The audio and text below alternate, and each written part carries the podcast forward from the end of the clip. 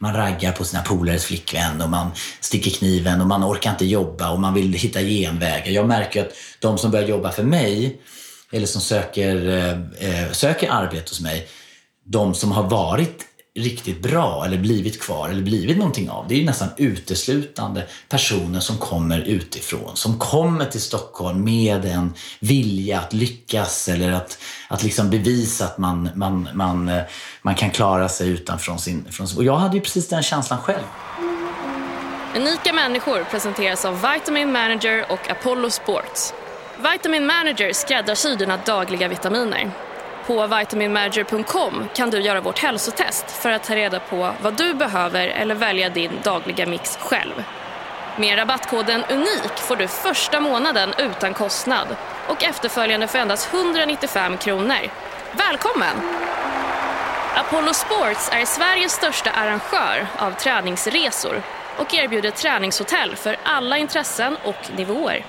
Som lyssnare har du nu möjligheten att vinna en resa för två till Apollos resemål Madeira. Gå in på unikamänniskor.com och tävla enkelt. Tack för att du lyssnar. Nu kör vi!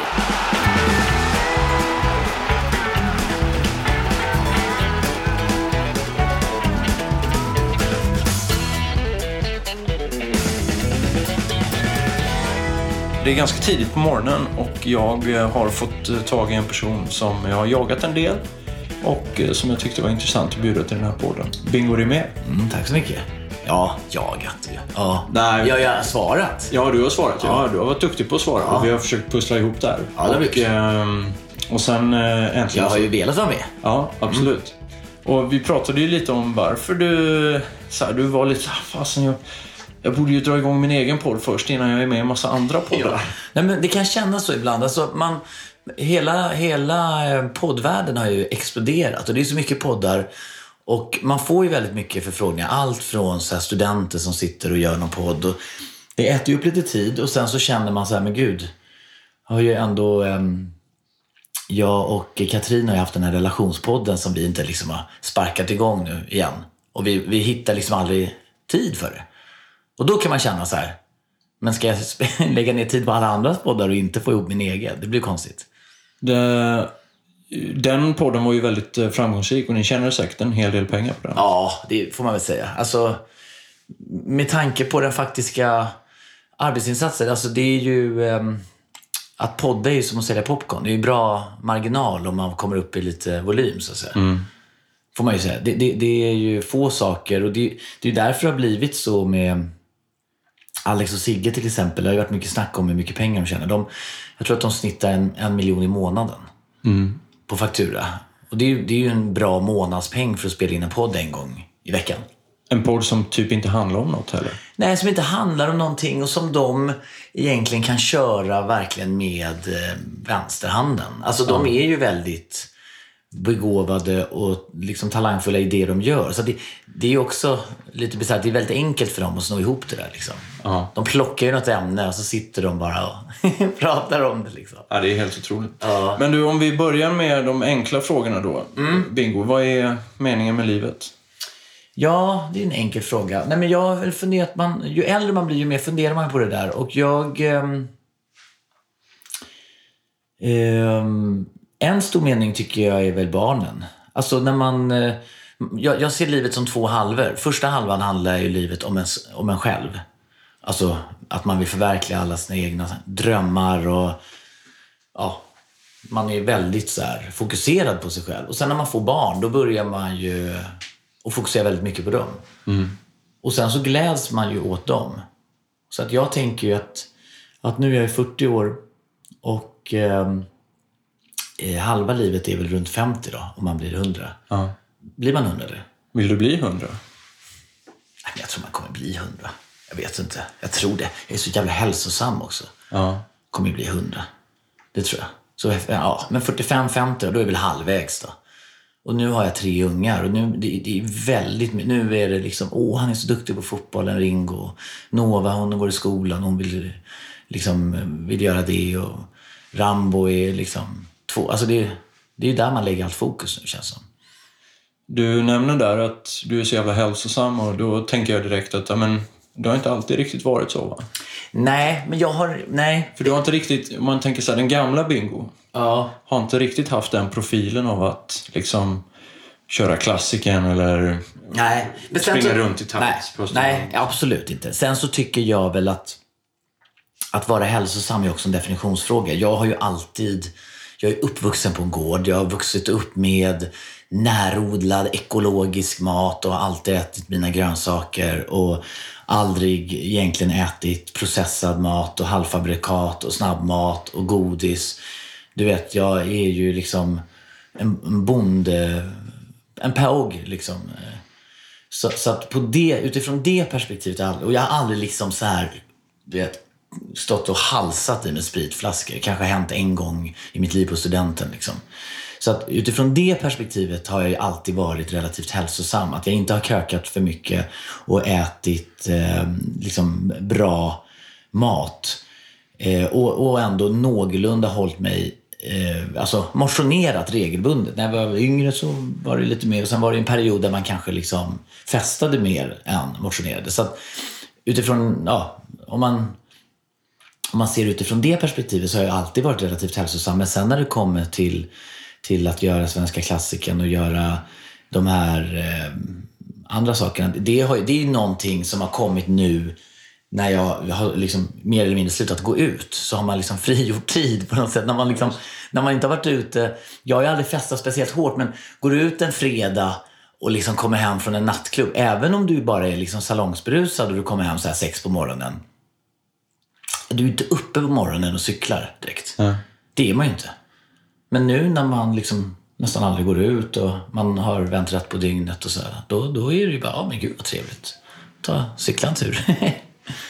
Jag tänker på att eh, många av de profiler som jag körde ö till ö med Petter till exempel och han, eh, vi lärde han att simma och sen så blev han hooked i det här med konditionsidrott och verkligen Mm. hittade en, en, kanske en ny person i sig själv lite att swimrun var hans grej och han, han har verkligen Mm. Han- tagit ja. det hela vägen ut. Jag har tänkt på det med hans swimman. För att han är inte, att springa är ju inte hans starka.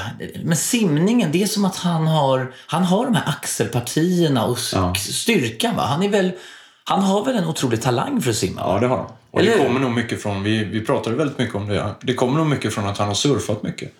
Åh Och legat på bräda och paddlat Har han mycket. surfat mycket? Alltså? Ja, han har surfat en del i alla fall. Och Jag tycker att det, det syns när han simmar också. Han är ju väldigt bred och kraftfull i sin, i sin simning. Liksom. Han, är Ja. ju, han är ju inte den snabba simmaren. Och det, det är ju ingen av oss långdistansare. Men han är ju verkligen...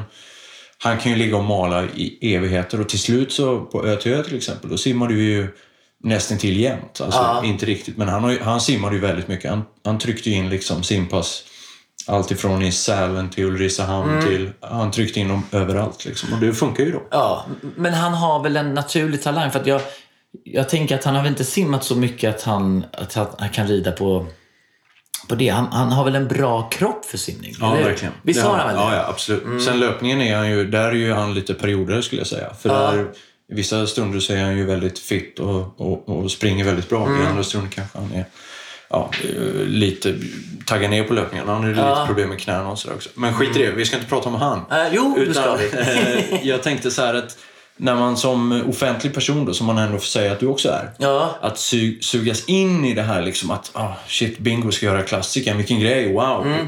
Med, du ska med i alla poddar, du ska vara med i alla reportage och så vidare. Och så vidare. Ja. Känner du att du har liksom, ja men vad händer här nu liksom? Är det här så speciellt liksom? Ehm, Du är ju precis som alla andra skulle jag säga. Ja, absolut. Ja, absolut. Nej, men, det, men, men jag tror att det mer handlar om att man saknar profiler i den världen. Exakt. Det är väl det som är. Så att man törstar väl efter någon, om man säger många idrottspresterande personer, atleter eller så, de har ju inte varit speciellt aktiva på sociala medier eller byggt ett kändisskap. Eller det har ju varit fokus på träningen. Liksom. Och sen kommer det då människor som jag och Petter eller nu när Måns Zelmerlöw då, som liksom ena dagen står och, och leder eh, Eurovision liksom med 200 miljoner tittare och sen så ska göra klassiken. Det är klart att det blir lite spännande. Jaha, det är ju han. Och så kan alla liksom relatera till honom. Så att det finns väl någon slags eh, naturlig koppling till. Men på ett personligt plan kan jag ju känna att eh, eh, att, att när man liksom kommer in i den världen och man får träffa, ja men du vet när du börjar prata om ö till ö, då, då känns ju plötsligt liksom Vasaloppet och Vätternrundan ganska så här, det känns ju väldigt light. liksom, Ja, I det jo. avseendet. Det kan man ju säga. Men det är ofta det är en insteg, ett, in, ett bra insteg. Ja, det är det kanske. Nästa år kör du ut ja. Ja, och, och jag gör gärna det. Jag, jag tror att jag har rätt så bra... Jag har inte den simmarkroppen som liksom Petter har, men Bättre löparkropp. jag har nog bättre löparkropp tror jag. Och jag eh, är ganska så lätt. Liksom. Jag tror att jag har lite för... Alltså, jag, jag tänker på Petter och tänker att han är lite så här stor och tung. Och att, det, att hela han, liksom, att han ska liksom, ta sin tunga kropp Ja. från hö till ö. Medan jag har en liten så här lättare... Jag, jag tror att jag har bra förutsättningar. för Frågan är om du har samma pannben som han har. Jag märkte det när vi körde ö till ö, att han har ett enormt jävla pannben. Det var, det var imponerande faktiskt. Ja, det, det, det, är- det är jag nog tveksam till. För att, eh, ja, det, det, har jag väl inte. Jag, jag är, allting, det är också jävligt relativt liksom när man är, om, om man har pannbenet eller inte. Men jag, jag tror inte att jag har det Du, pannbenet. gi- du gillar stora utmaningar kan man säga. Ja, jag, jag kände när jag körde liksom Vasaloppet att eh, det, var, det var ganska tungt tyckte många då att det var dåligt före och att det var många som beklagade sig över det. Men jag tyckte att det, alltså jag, jag tyckte också att det var jobbigt men jag kände ändå att jag hade drivkraften att liksom eh, eh ta, ta, ta mig igenom och sådär. Men, men jag undrar, jag får väl inte ens en plats i ÖTL? Det är det jag tänker. Eller är inte det liksom, har inte det loppet gått om man säger? Jo, då, nej, men man kan kvala. De har gjort det till en ganska svår process att kvala Ja. och, och göra... Man måste samla poäng och så vidare. Jag, jag kan faktiskt inte alla regler kring det nu, men eh, jag tror att de själva vill undvika det här med att plocka in att de ska behöva plocka in kändisar. Eh, för att det blir alltid ett snack i andra ledet om att ja, men, den här kändisen tog min plats, jag Mm. som har tränat hela året och så vidare. Och jag vet att det var snack om det även när Petter och jag Ja, det kommer jag ihåg. Ja. Eh, och Petter tog ganska hårt på det där och kände så att han körde ju varenda swimrun-tävling. Liksom, Ja. eh, Men alla han de var andra- värd platsen. Ja, men- de andra swimrun-tävlingarna, är de... Ötulö är väl värre än de andra på något sätt? Ja, eller? det är ju det värsta. Ja, det är väl det, eller skulle jag säga. Ja. Ja. Och det är det längsta och den längsta dagen. Men eh, sen är det ju... Sen kan du ju kvala dit och genom samla poäng på sådana här merit races då, där du liksom... Ja. Du kör någon i Borås kanske, du kör någon på Höga Kusten eller vad det Mm. nu kan vara. Jag vet inte vilka som ingår. Men, och sen kan du plocka poäng och sen till slut så får du liksom... Ja, för jag, jag tänker på den han kör. eh, Petter har ju sitt eget Mm. lo- lopp. För det är väl relativt lugnt jämfört med... Ja, det är det ju. Det Eller är hur? att den går i oktober. ehm, på Ja. Koster. Ja, så på det, Koster, det, kommer ju, det kan ju vara jävligt liksom. Ja, det, Eh, skulle- ja, ja, det är bara jävligt för att det är sent på året och det är kallt och så. och stormar Ja. och sådär. Men nu hade de ju tur i fjol. Ja. Men om man skulle starta, om jag ska starta ett, bara testa ett, eh, ett sånt swimrun i Sverige och då, göra någon lite enklare bara för att få känna på det. Mm. Vilket rekommenderar Då du? tycker jag du ska köra Ångaloppet till exempel nere i Nynäshamn. Eller nere mot Nynäs. Eh, jättefint, enkelt race. Eller ute swimrun. Alltså på ute. Ja. Nu om... Eh, där kan jag fixa en plats kanske Ja, om Ja. Två, tre veckor. Ja, men, men jag bara tänker bara känna på det liksom. Bara så här, Nej, men det, det är fina lopp och det, Mm. där kan man ju... Det är liksom en till två timmars lopp. Eh, så att det, är Mm. Där, det är där man ska börja. Liksom. jag menar det bara. Ja. Ötö är ju 12 timmar. Så Ja. det är ju svårt att kanske relatera till när man börjar. Mm. Eh,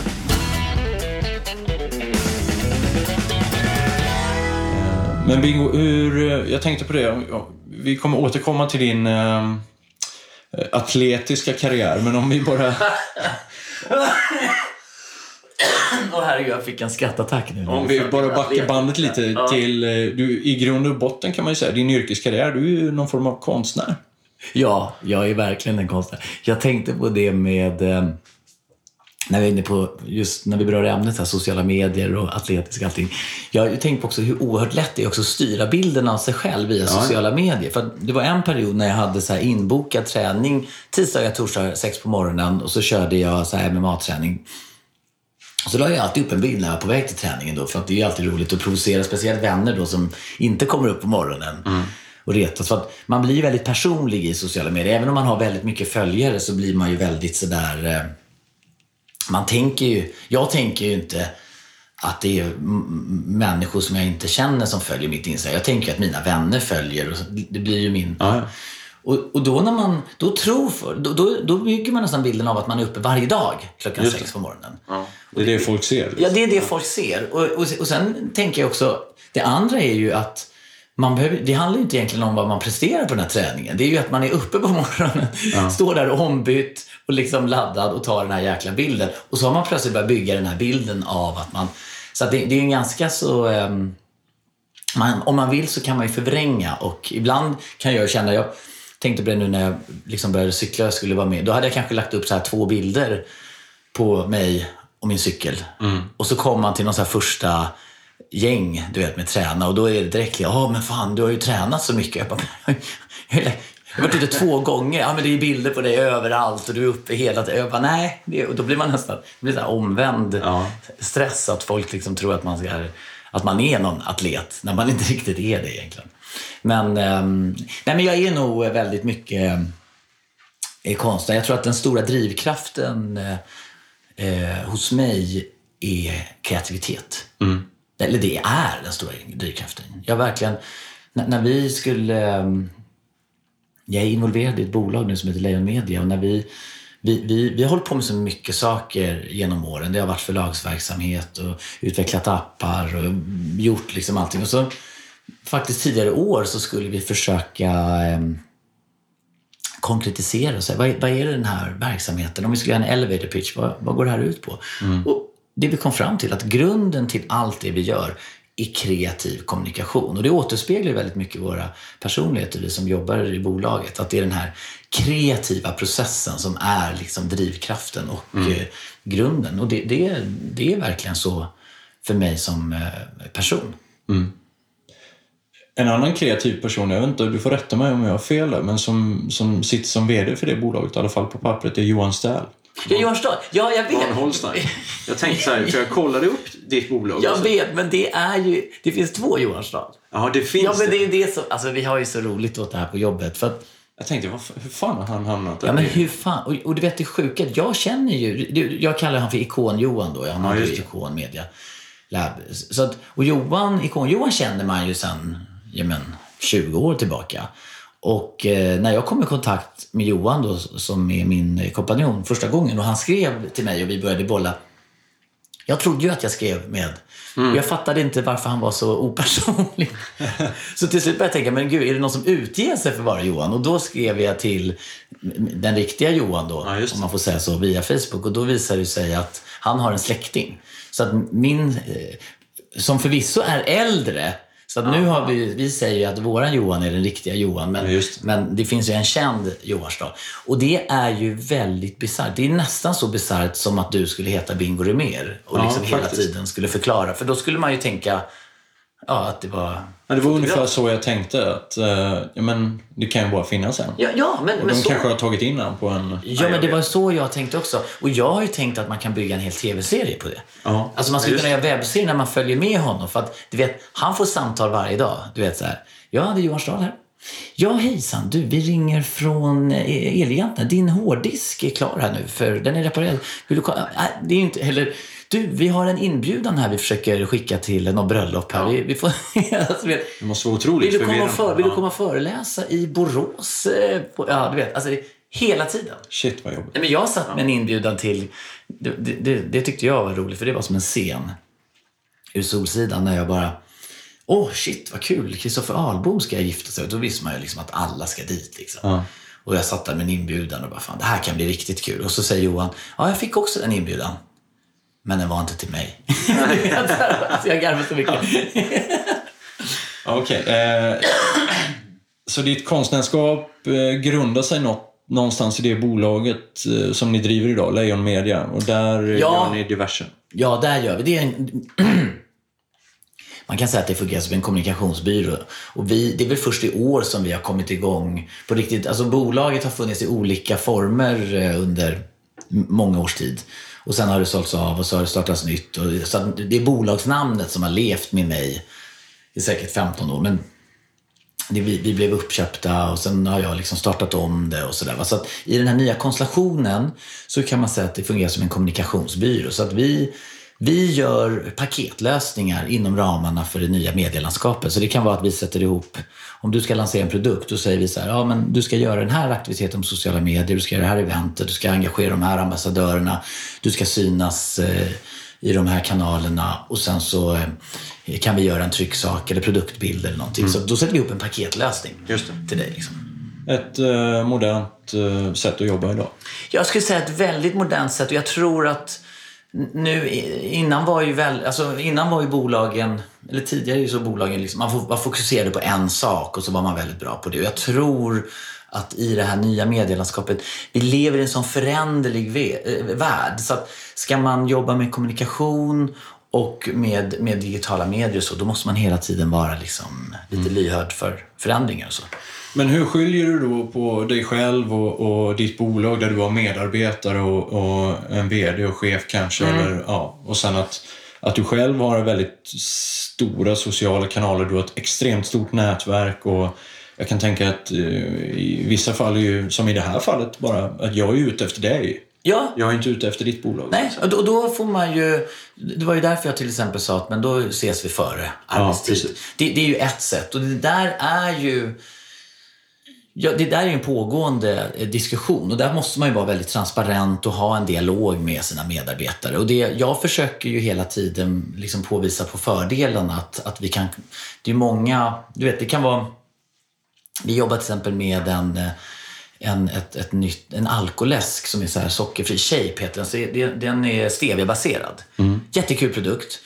Och företaget då bakom den de kommer till mig och vill göra någon slags eh, ja, produktfotografering och allting. Va?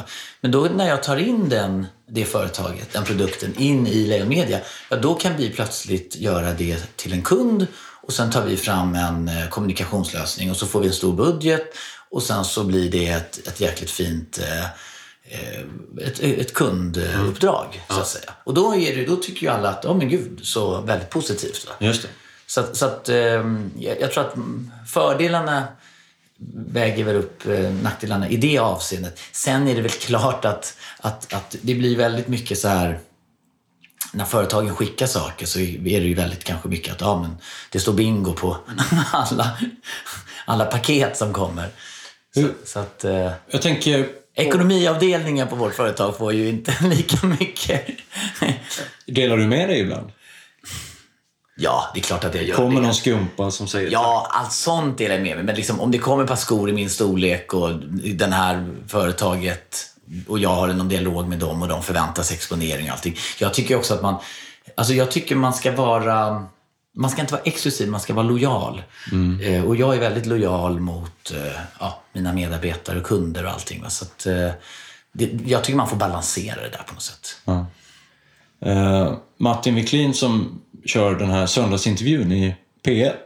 Ja, just det. Ja. är en fantastisk intervju, eh, eh, ja, intervjupodd eller radioprogram. Mm. Han brukar ställa den här roliga frågan, eller roliga, men den är till varje, varje gäst han har. Vad gjorde du sist du mötte en tiggare?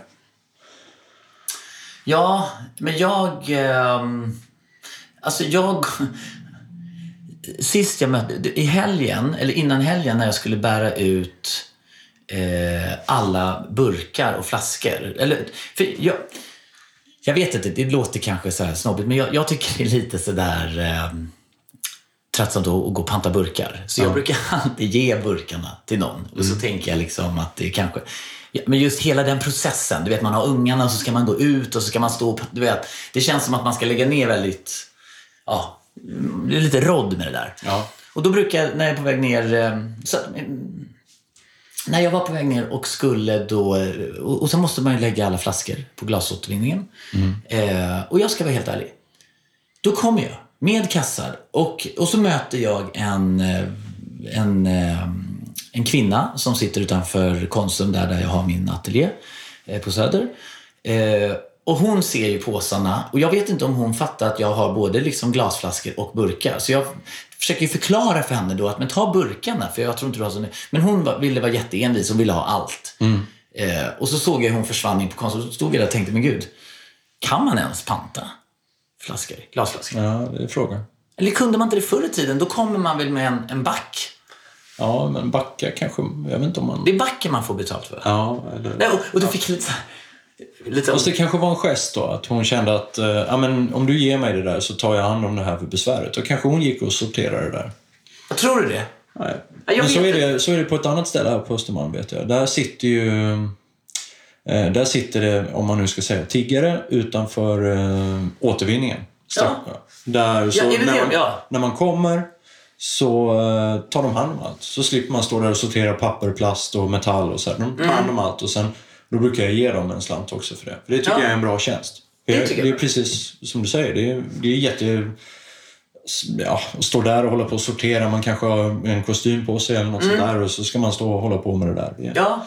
det är bättre att betala den Ja. tjänsten. Så. An- Annars så är ju jag, jag, jag tycker att det är en så svår eh, diskussion eh, beträffande, alltså ju, när man får den här känslan av att, du vet man ser Uppdrag granskning och det här, eh, hela, hela det här huruvida det är eh, liksom nätverk och systematiskt och alltså om, om, om de blir utnyttjade från två håll, alltså det tiggerisituationen är ju väldigt eh, komplex.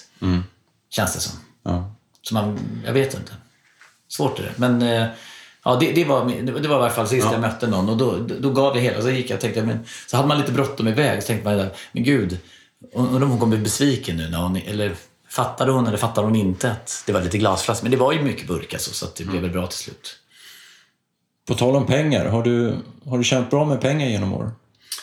Ja, alltså det där är också väldigt, väldigt relativt. Men, men eh, jag vill nog, det, har- det har gått väldigt mycket i vågor. Men jag har ju inte...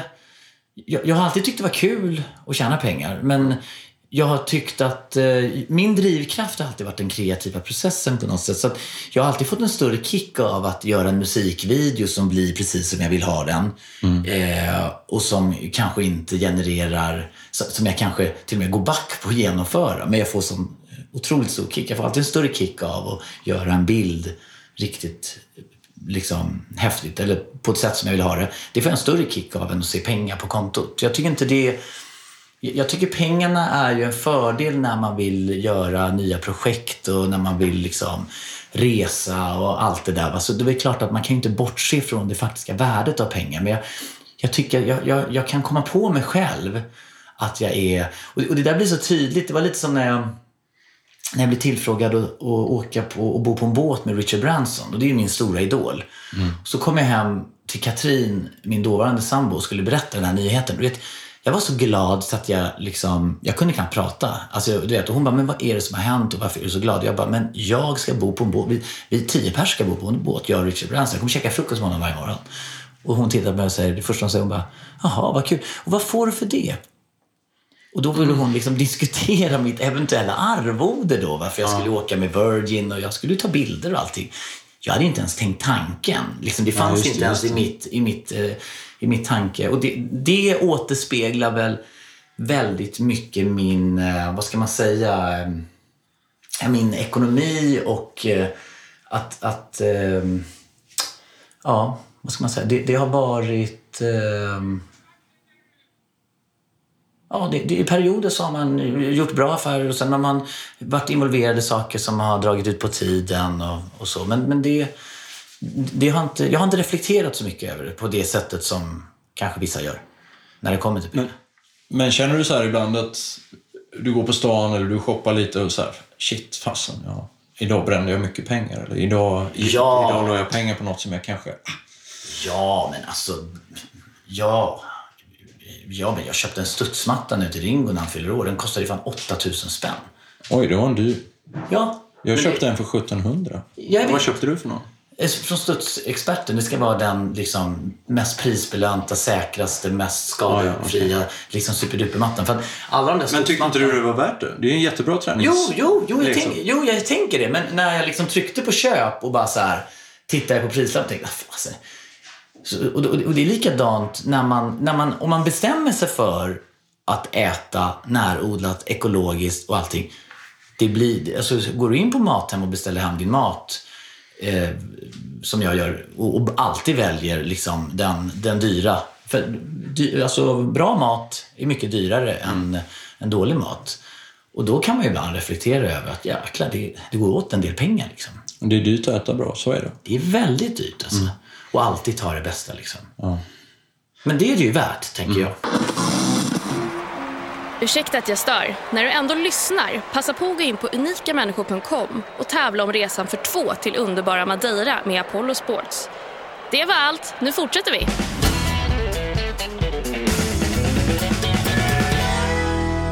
Okej. ehm, och, och rent fotografmässigt, eh, vad är du idag i ditt fotograferande? För det är ändå där någonstans din grund i ditt konstnärskap finns.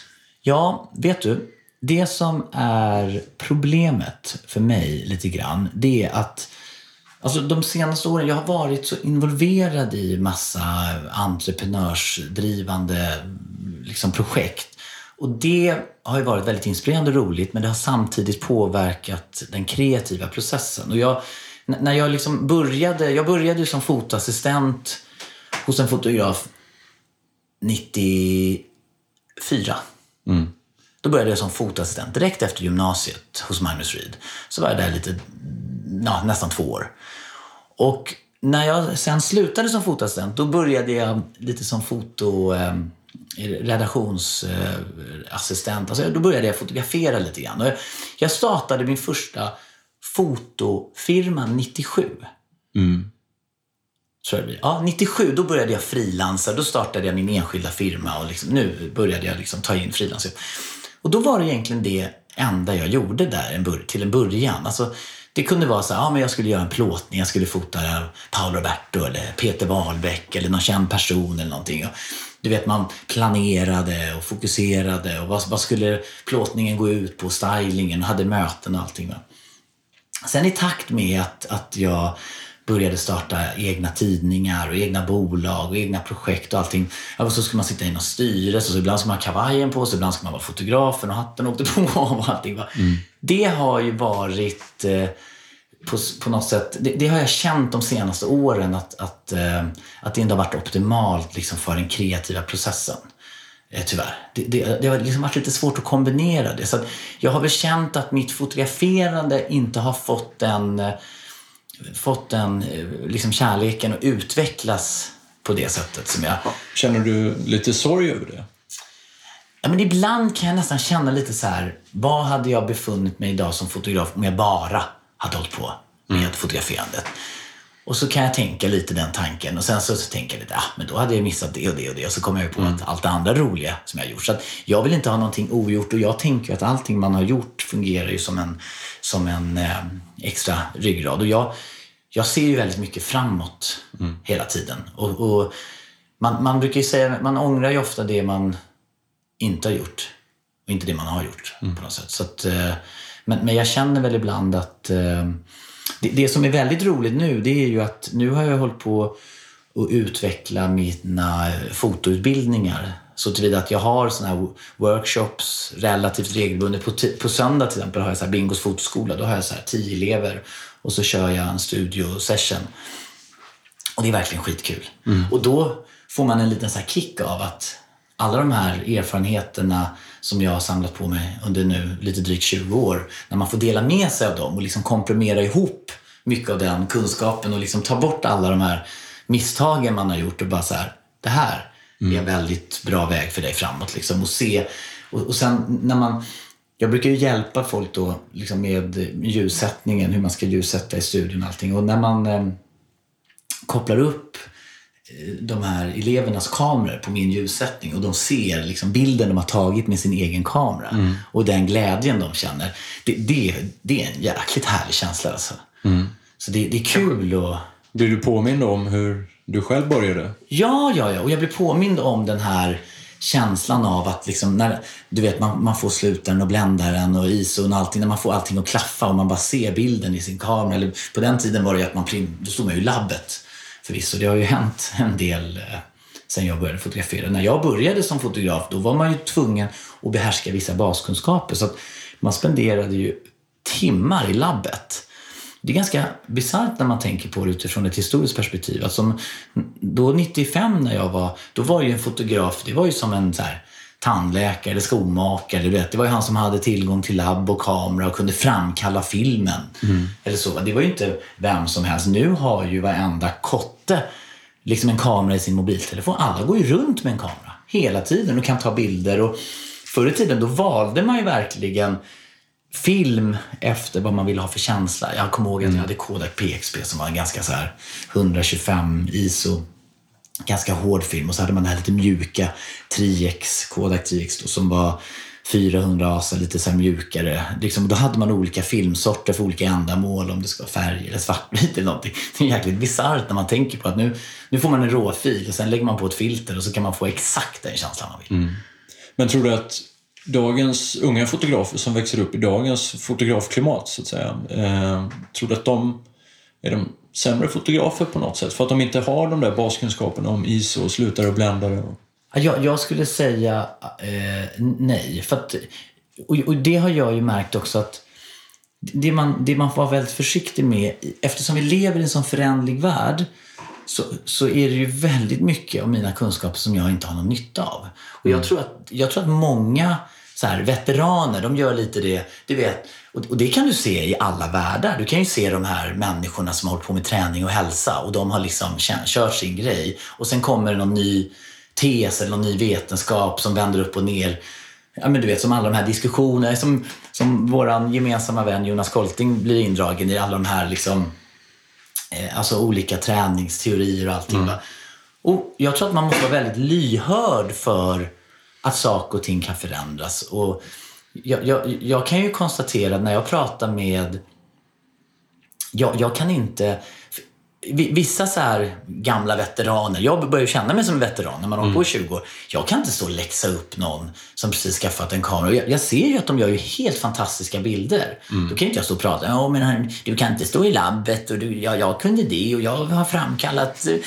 du vet, det är bara att glömma. Ja. Liksom. Så, så att... Eh, det, det, är lite som i musikens värld, om man tar liksom Swedish House Mafia som är liksom, gjorde den här turnén och bara fyllde. Liksom, de, de har ju... Det är ju en musikstil som är verkligen baserad på den nya generationen. och mm. liksom Housemusiken är ju väldigt elektronisk och så. Och det, det, de, de fyller ju upp arenor. Så att, jag menar, det, det de kanske inte kan spela instrument så Nej. som Björn och Benny kan. Nej, de kanske inte kan det. Men de är, liksom, Avicii är ju otroligt musikalisk. Ja. Eh, fast han, han, han utför det. Och det, det är ju det som är kanske med fotograferna då. Att de är ju otroligt talangfulla. Men de, de, de, de har ju ingen nytta av de här liksom eh, analoga kunskaperna som jag har för att göra sina bilder. Så det är en, det är en, det är en stor skillnad där. Liksom. Hur, eh, hur resoneras det i fotografbranschen så att säga om det här med att förvränga bilder och göra, göra liksom en annan verklighet av bilder idag i dagens digitala samhälle? Att man kan, som du säger, med hjälp av enkla filter i Photoshop eller i din telefon. Så här. Men säg att du är en fotograf idag och tar, du tar ändå schyssta bilder men sen kan du förvränga den verkligheten ganska rejält och skapa liksom en surrealistisk liksom, mm. Eh, bild nästan.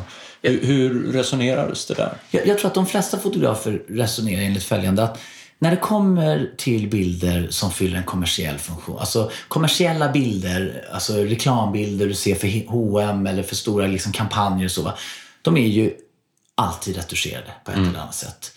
Eh, där det kan uppstå diskussion, det är ju när man har tagit dokumentära bilder i Syrien och liksom börjar förstärka upp element eller förvrida eller någonting. För då är man ju plötsligt inne och förvrider liksom verkligheten. Så I journalistiska sammanhang och i dokumentära sammanhang så kan det ju uppstå diskussion. Mm. Och Det har ju varit exempel på det när det har dykt upp bilder som har varit så här, man bara, men herregud, det ser ut som en så här filminspelning snart. Mm.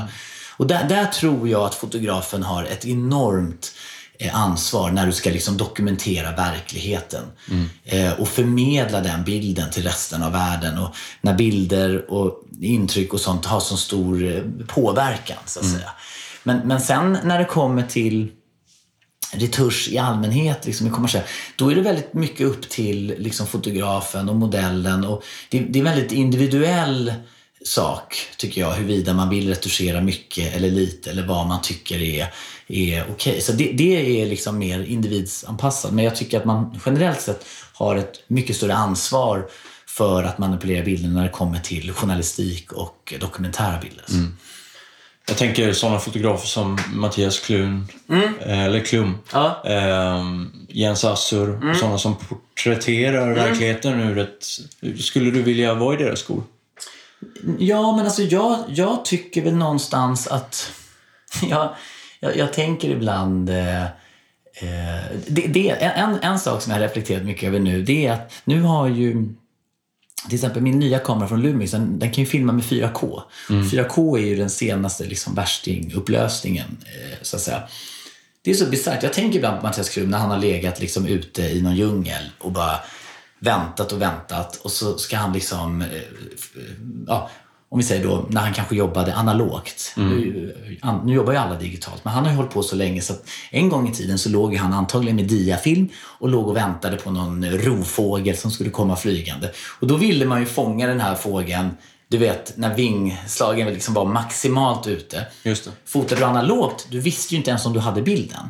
Så att förr i tiden så måste ju Mattias ha legat ute i djungeln, kanske vandrat i en månad med, liksom, med folk som har hjälpt till att bära packningen, all sin liksom, fotoutrustning, legat och plåtat och kämpat, fotat den här fridlysta, exotiska rovdjurshistorien. Sen kommit hem, framkallat bilderna och tittat på dem. Och det är först då han vet om han har bilden. Idag skulle jag kunna dundra ner den med min Lumix-kamera, sätta upp den på stativ, rulla 4K, ligga i någon husbil. Sen har jag en app kopplad till kameran. Sen ska jag kunna trycka rec. Ska jag kunna filma 4K när fågeln flyger ut ur sitt bo. Och sen ska jag kunna gå in i det materialet och plocka en stillbild i 100% i upplösning.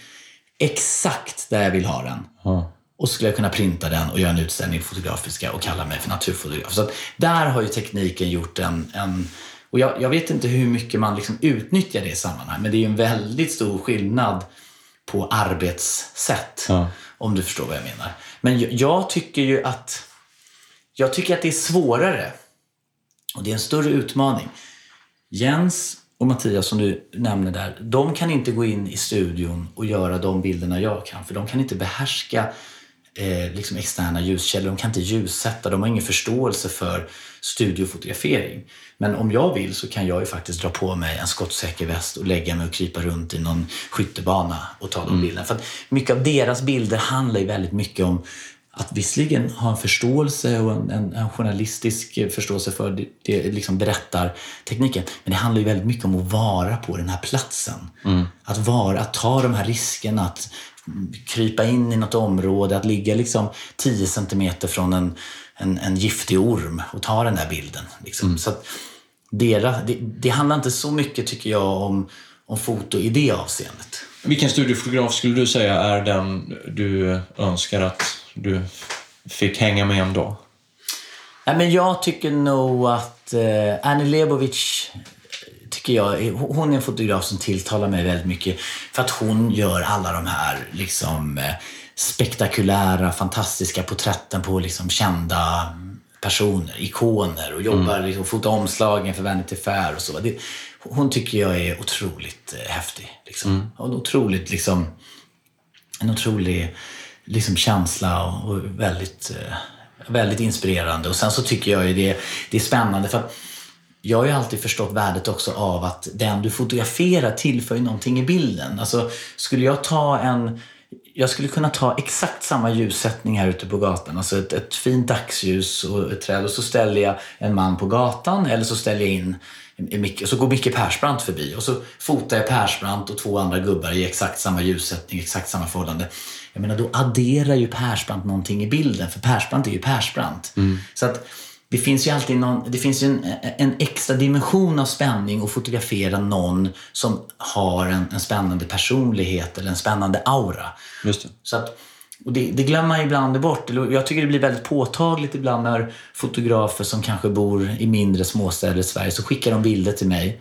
Och jag kan se att de är exceptionellt duktiga på att ljussätta och de har all teknisk... Men de har inte tillgång till intressanta personer på det sättet. Och ett intressant personporträtt eh, är ju extra intressant om personen i fråga dessutom blir intressant. Är du duktig på att intervjua någon och du får tillgång till, och får du sitta här och intervjua eh, Zlatan i, i två timmar så, så adderar ju han en, en, en extra dimension i inte hur duktig du än må vara så är det svårt att göra en intervju med en okänd person från från, eh, från Grums. Grums.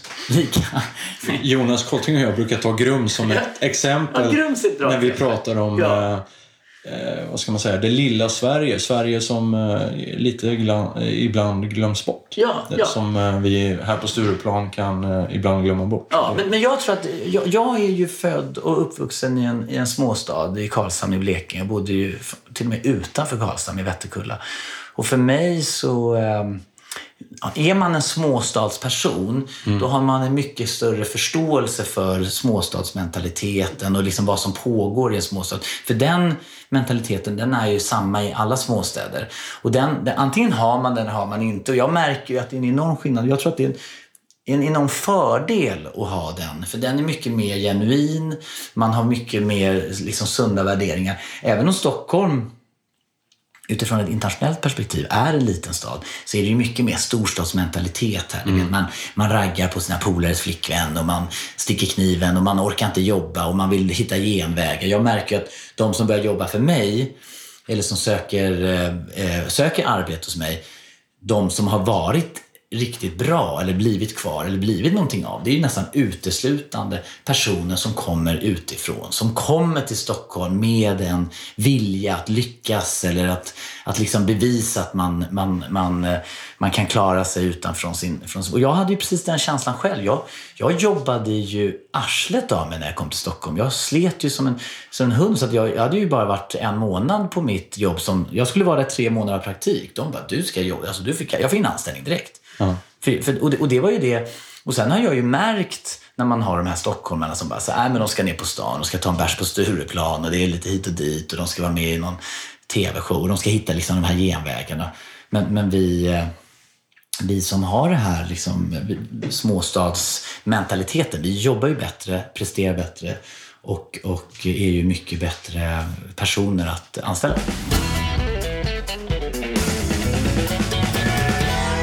Du är ganska öppen och rak och ärlig när du pratar om saker här. Mm. Eh, Får du skit för det ibland? Ja, jag vet inte. Inte nödvändigtvis. Jag tror att man får... Jag, jag tror att det... Jag tror att man nästan får mer skit om man är en... en, en alltså det är därför man föraktar politikerna så mycket i Sverige. För att de är... De är inte raka, de är inte ärliga, de slingrar sig och de har alltid en, liksom en dold agenda. Så, så att jag tror att man vinner väldigt mycket i längden på det.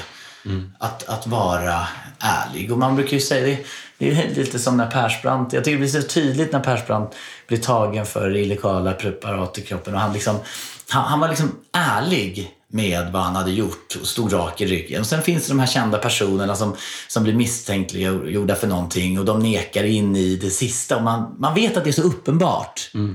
Och ändå nekar de. Och då, då blir det ju den här den här, eh, då, då, då tänker man utifrån perspektivet att man, man kan ju förlåta en syndare men inte en lögnare. Så att jag tror att man föredrar ju nog en person som är rak. Och jag, jag känner ju att det har ju varit så... Jag har alltid stått rak i ryggen för de bilderna jag gjort. Eller om jag har fotat liksom lättklädda bilder på systrarna Graf eller Victoria Silvstedt som jag gjorde förr i tiden eller Carolina Gynning eller så, så har jag ju alltid varit väldigt liksom, engagerad i den eventuella debatten och vad folk tycker och tänker och stått för min åsikt.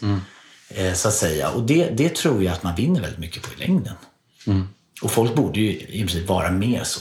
Framförallt politiker i Sverige. Man är så trött på Men upplevde du att det var laddat och, och liksom bli kallad flickfotograf? Eller att, att liksom hela det där konceptet med att plåta lättklädda damer, var det laddat? Ja, men det har aldrig egentligen... Det, det har ju gått hand i hand också lite med var jag befunnit mig i livet. Så jag har aldrig upplevt... Alltså när jag var lite drygt 20 år och fotade Ulf Lundell med två lättklädda tjejer, då var ju det där jag befann mig i livet. Det var ju liksom drömmarnas dröm. Ulf Lundell var min idol. De här tjejerna var svinsnygga. Jag var 19 bast. Eh, och tjejerna var så här 16 och 17 och jag reflekterade ju inte över att de var... Och jag, jag har ju tänkt på det i efterhand om någon skulle fråga mig idag när jag är 40 plus och trebarnsfarsa. Ja men vi tänkte ta lite bilder på dig Bingo på Grand Hotel. Och så skulle jag komma dit och se det två tjejer i underkläder. Och jag bara, fan de ser väldigt unga ut. Då skulle jag ju fråga sig, är det verkligen lämpligt att jag står och blir fotograferad här med... Ulf Lundell frågade aldrig. Han frågade inte. Och det, har inte jag, det tänkte inte jag på då. För då var ju jag lika gammal Ja, som tjejerna. Men nu idag så tänker jag, men gud varför, sa, varför frågar han inte ens? Ja, så det är en intressant reflektion. Ja, och det var likadant när jag lyssnade på den här eh, dokumentären om Olof Palme-mordet där på P1. Och då eh, så pratade... Och jag, jag har, man, har ju, man har ju fragment av... Det var väl 86 tror jag Olof Palme blev skjuten. Ja, det är 86, för det är ju 30-årsjubileum. Och jag var ju 10 bast. Jag skulle fylla 11. Eh, och jag kommer ihåg hur man tänkte på den här läskiga gubben Christer Pettersson. Och nu när jag lyssnade på den, han var 41 år. och jag är, jag ska fylla 41 år. Och då tänker man, men gud, nu håller jag på att förvandlas till den där läskiga gubben, 41 år gammal. Så man, man, man får ju lite perspektiv på saker och ting när man, när man blir äldre. Så att hela den här eh, flickfotografstämpeln den, den har ju liksom följt med mig också i min mognadsprocess. Så nu när jag liksom har lämnat flickfotograferandet och går in i en ny era i livet, då... Idag hade det, tycker jag, känts lite problematiskt att utge mig för att vara en flickfotograf eller leva det livet eller bo i en studio med massa modeller och vakna upp med ett par trosor på huvudet och löshår. Det var ju alltid så här löshår. Var man än gick i studion. Man, ibland kunde jag bli så provocerad av de här tjejerna som bodde i studion. Så jag, ibland satt jag och postade deras löshår bara för att jag tyckte det var så då, att de kunde väl ta med sig sitt. Alltså du vet, när det alltid, du vet de har ju så här clips. Ja. Så kunde Ja, lossna liksom. Ja, det är. Alla glamourmodeller liksom. Du vet, då kunde man skriva så här.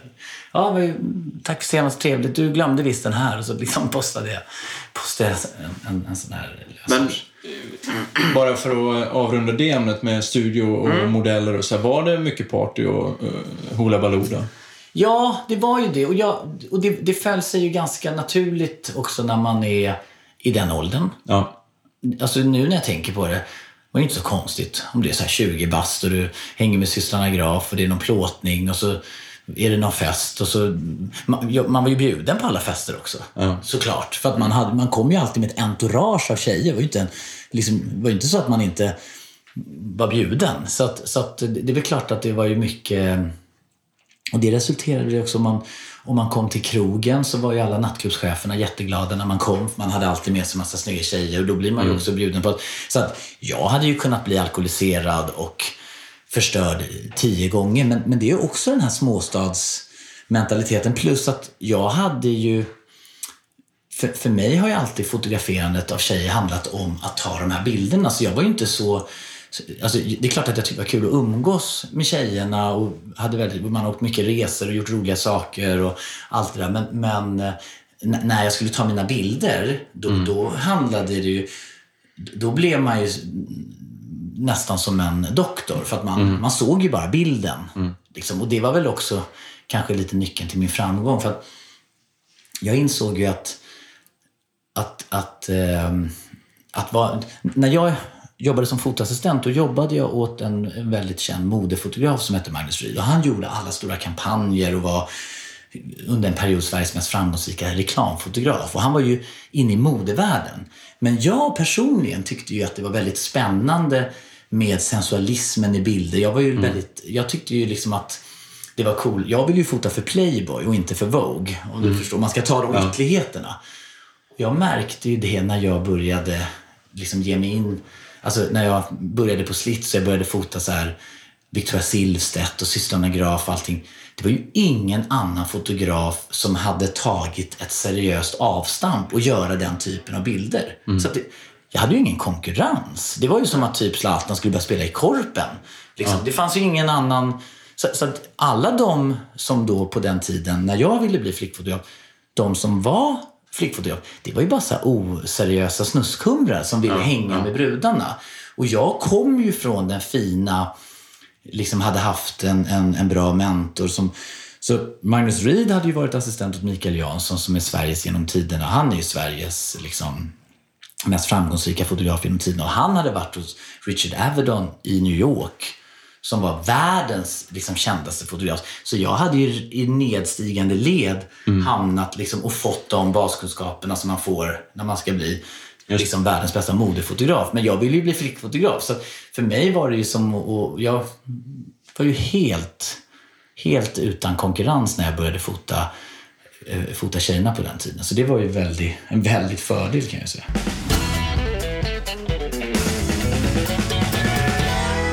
Bingo, vi lämnar det ämnet och så bara kliver vi lite in eh, för att runda av här eh, i eh, dagens bingovärld, så att säga. Eh, träning, hälsa, eh, en satsning på klassiken. Hur var det av detta? Ja, det började... Jag, jag, alltså jag har alltid motionerat. Jag, jag har tränat nästan mest har jag nästan tränat kampsport. Alltså jag, jag tyckte jag var jätte... Jag tränade taekwondo och boxning när jag gick i skolan. Ehm, och man tränade lite fotboll. Jag var aldrig speciellt duktig i fotboll. Och det var ju alltid li- eller, jag var väl helt okej, men jag hade inte den här talangen och intresset för fotboll som krävdes för att... Så att när man kom upp i, i, i tonåren, då var man ju tvungen att prestera på ett helt annat sätt för att liksom, så jag kunde ju sitta på, jag var ju helt knäpp. jag kommer eller taskigt av tränaren där att, att jag fick sitta på avbytarbänken, kommer jag ihåg, en hel match. Och du vet, man, och jag tänkte fasen det satt ett litet så sår i en när man var sådär, hur gammal kan man ha varit? 12-13 år kanske någonting. Du kommer fortfarande ihåg? Ja, men jag, jag, jag kan tänka på det idag. Inte att jag...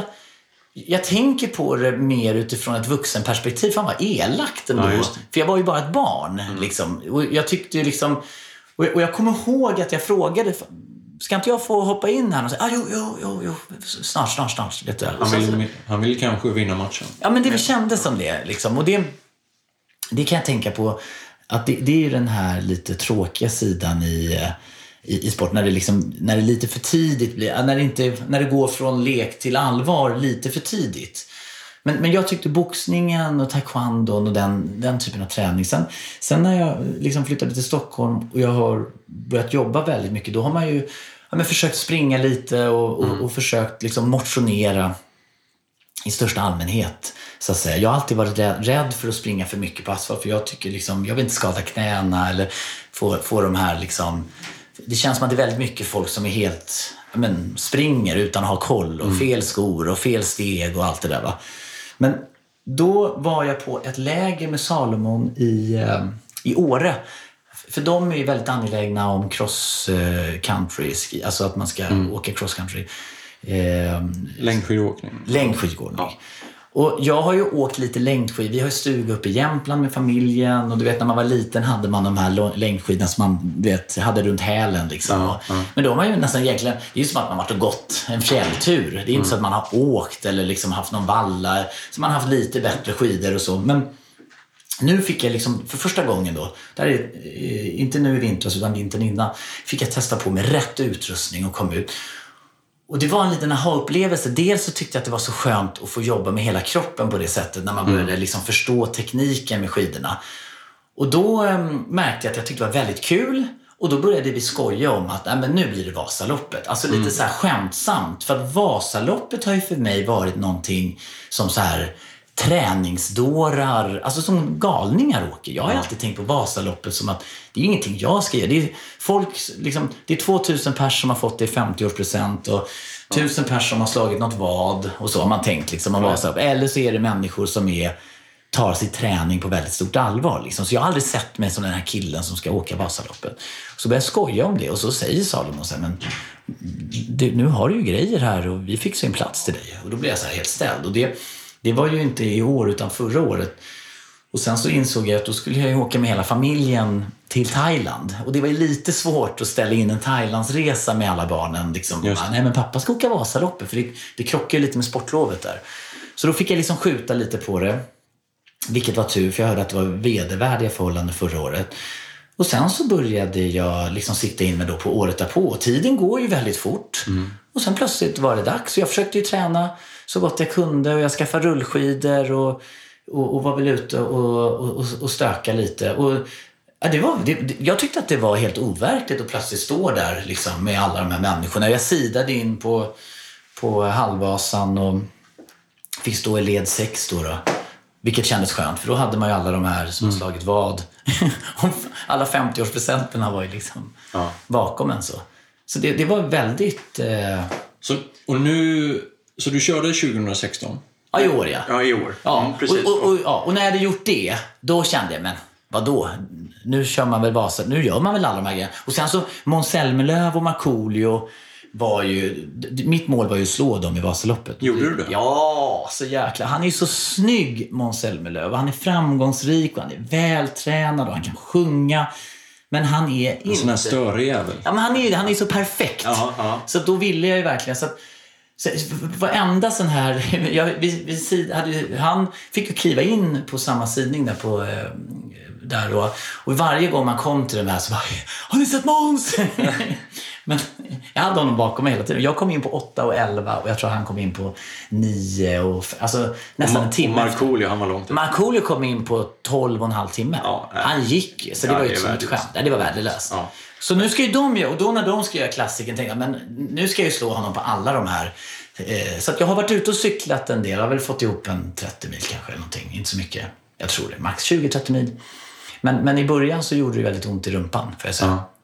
Ja. Men när man kommit över det så det är jäkligt häftigt att, att cykla. Man kommer långt och man kan cykla liksom 3-4 mil utan att det är en, en stor grej. Ja. Jag körde första så här, åtta milen förra veckan. Så här, och det kändes verkligen... eh, Så att Vätternrundan ser jag fram emot. Det ska bli kul. Ett kul event. Jag, jag vill bara försöka liksom att, man, att man kan ligga och, och, och cykla på led. Alltså så att man får, får de fördelarna. För att han, Micke Thorén som är på, han säger att man, det vill säga 30 procents skillnad i... Ja, ja. Det är jättemycket. Måste- Enorm skillnad. Man kan hjälpa till att dra varandra. Men har du inget gäng på Östermalm här där du bor som du kan cykla med? Jo, men jag... Jo, nej. Micke, Micke Persbrandt cyklar väl? Ja, det, det vet jag inte. Nej, jag, jag har ju Magnus Aurell då, min, som är min... eh, Vi, vi kör ihop, så att säga. Just. Så vi har varit ute och cyklat. Men jag har inte riktigt boundat med något gäng. För det, det gäller väl att hitta rätt också, så att de inte är för bra eller för dåliga eller, eller sådär. Va? Så det, jag ska väl försöka... Det är någon tävling nu... Gud, när var det? 18 maj tror jag det är någon på 15 mil. Just det. Det är en bra genomkörare. Ja, är det inte det? Eller hur? Så den tänkte jag bränna av. Sen, jag, jag kan ju inte simma, jag kan inte kråla. Så att, eh, Emma Igelström är ju en barndomsvän, så att eh, henne tänkte jag, hon, hon, eh, hon och Jonas Kolting får hjälpa mig. Va? Men det löser du. Ja, jag det är tror ganska det. lätt. Ja, jag skulle tror säga det. att uh, Vansbrosimningen är det lättaste. Av Ja, jag tror det. Och sen är det Lidingöloppet där och det är ju bara att springa på. Så att det ska man väl fixa. Men vad skulle vara en, eh, en rimlig, så här, stor, grandios målsättning för 2017 då? Skulle det vara en Ö till swimrun? ö. Ja, det är Ö det. till ö. Ja, ö, ö till ö vet jag inte om det, om det är 2018 man gör det. Men, men Ö till ö måste jag bara göra. Jag blir lite provocerad av att Petter gör det. För jag har ju Petter lite som en förebild. Både som entreprenör och träningsperson. Och jag, det var faktiskt jag som parade ihop han med Mårten.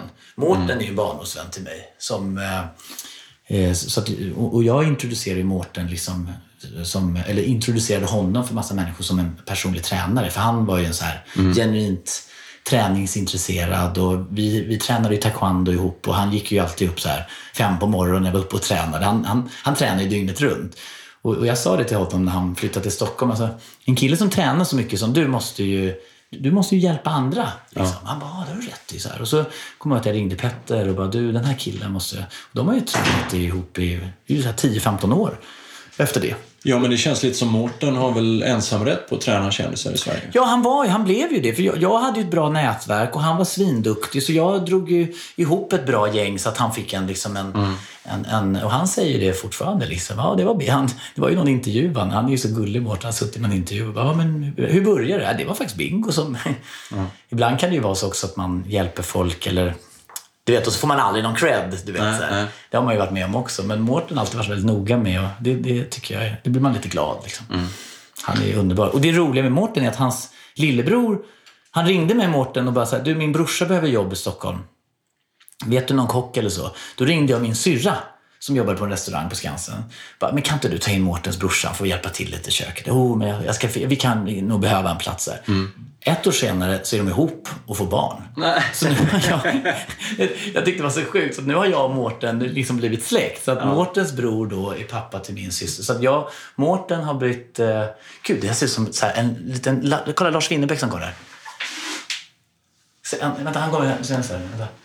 Ser du? En, en liten så här... Kom han hit? Nej, men såg det inte ut som Lars Winnerbäck? Fast Typ, nej, en, så vi- han? en, nej, jag tror inte att det var det. Men en sån här Vietnam-version. Alltså att Ja. han har varit i Vietnam, låtit håret växa. Ja, det var en sämre, En sämre... sämre, en sämre version. Skulle jag säga. Har, du, har du träffat han mycket? Han, är, han är lite doldis. Han är superdålig. Jag har aldrig träffat eh, Lars Winnerbäck, men jag tycker att han är jäkligt eh, liksom, häftig. bra. Alltså han gör ju härliga låtar. Ja. Nej men Mårten, så att Mårten är då... Mårten är farbror och jag är morbror till lilla Agnes. Och nu väntar Olivia, min syster, sitt andra barn med Filip då, som är Mårtens lillebror. Shit. Ja, bra. Ja, det är häftigt. Ehm, tack Bingo för att du kom till den här podden. Ja, är det något tack. du vill eh, tillägga? Nu börjar snart arbetsdagen för oss båda. Ja, och faktum är att eh, jag ska åka till eh, Göteborg, föreläsa. Nej, men vad vill man tillägga? Nej, men jag... ehm, nej, men är det realistiskt för mig att åka ö till ö nästa... Eller komma in på ö till ö nästa Absolut. år? Är det det realistiskt, tycker Ja, jag tror... Lägger du manken till är det simma nästa vinter ordentligt, som vi gjorde med Petter. Det tog ju det tog åtta månader för att träna upp han till ö till ö. Och det kommer nog ta ungefär samma för dig. Men har man, om man tänker, har man lättare av att man är en lättare person? Eller, Ja, givetvis. för jag har väl mer en koltingkropp liksom i så fall? Ja, ja, Eller? vad man nu säger. Absolut. Jag tänker på Eh, kolting att han är liksom Ni, så ni kanske hörde att jag stakade mig lite där. Ja. Nej men eh, jo, absolut. Jag är ju mer av en Petterkropp. Jag, Ja. är ju lite, jag är ju satt och, och stark och, och lite sådär. Ja. Eh, och Men ju, tränar du gym hos också? Eller? Gymmar? Nej, inte, Nej. inte på det sättet som, som ni gör. Eh, men jag gör armhävningar varje dag. Och Ja, gör du det varje dag? Ja. Men, där man måste men, bli bättre. men Ja. grejen är, du fixar ö till ö, absolut. Kruxet är ju att komma med. Så Ja, det det antingen, jag tänker och då också. finns det två sätt.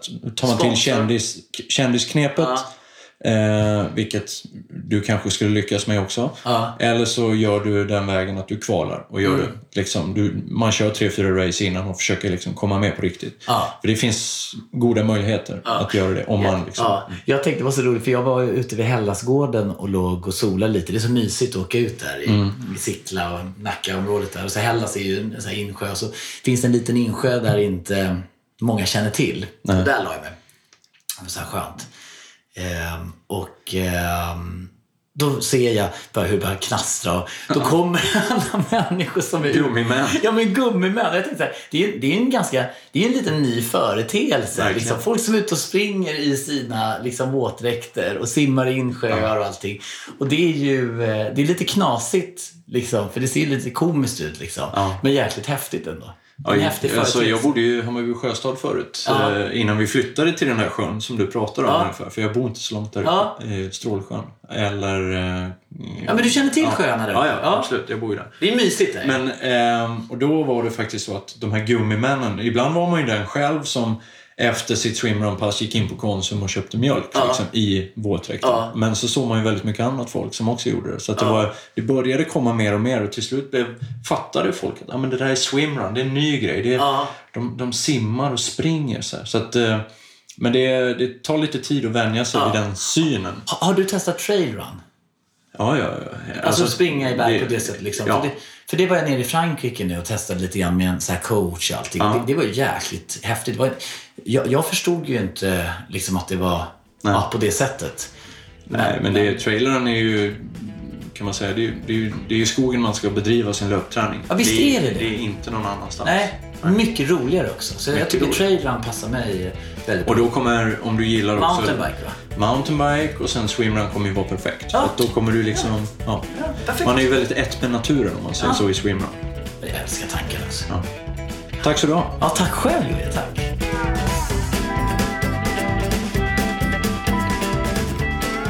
Du har lyssnat på Unika människor med Jojje Borssén i samarbete med Vitamin Manager och Apollo Sports. Tack till producenten Jonas Sjöberg och produktionsbolaget A1 Produktion.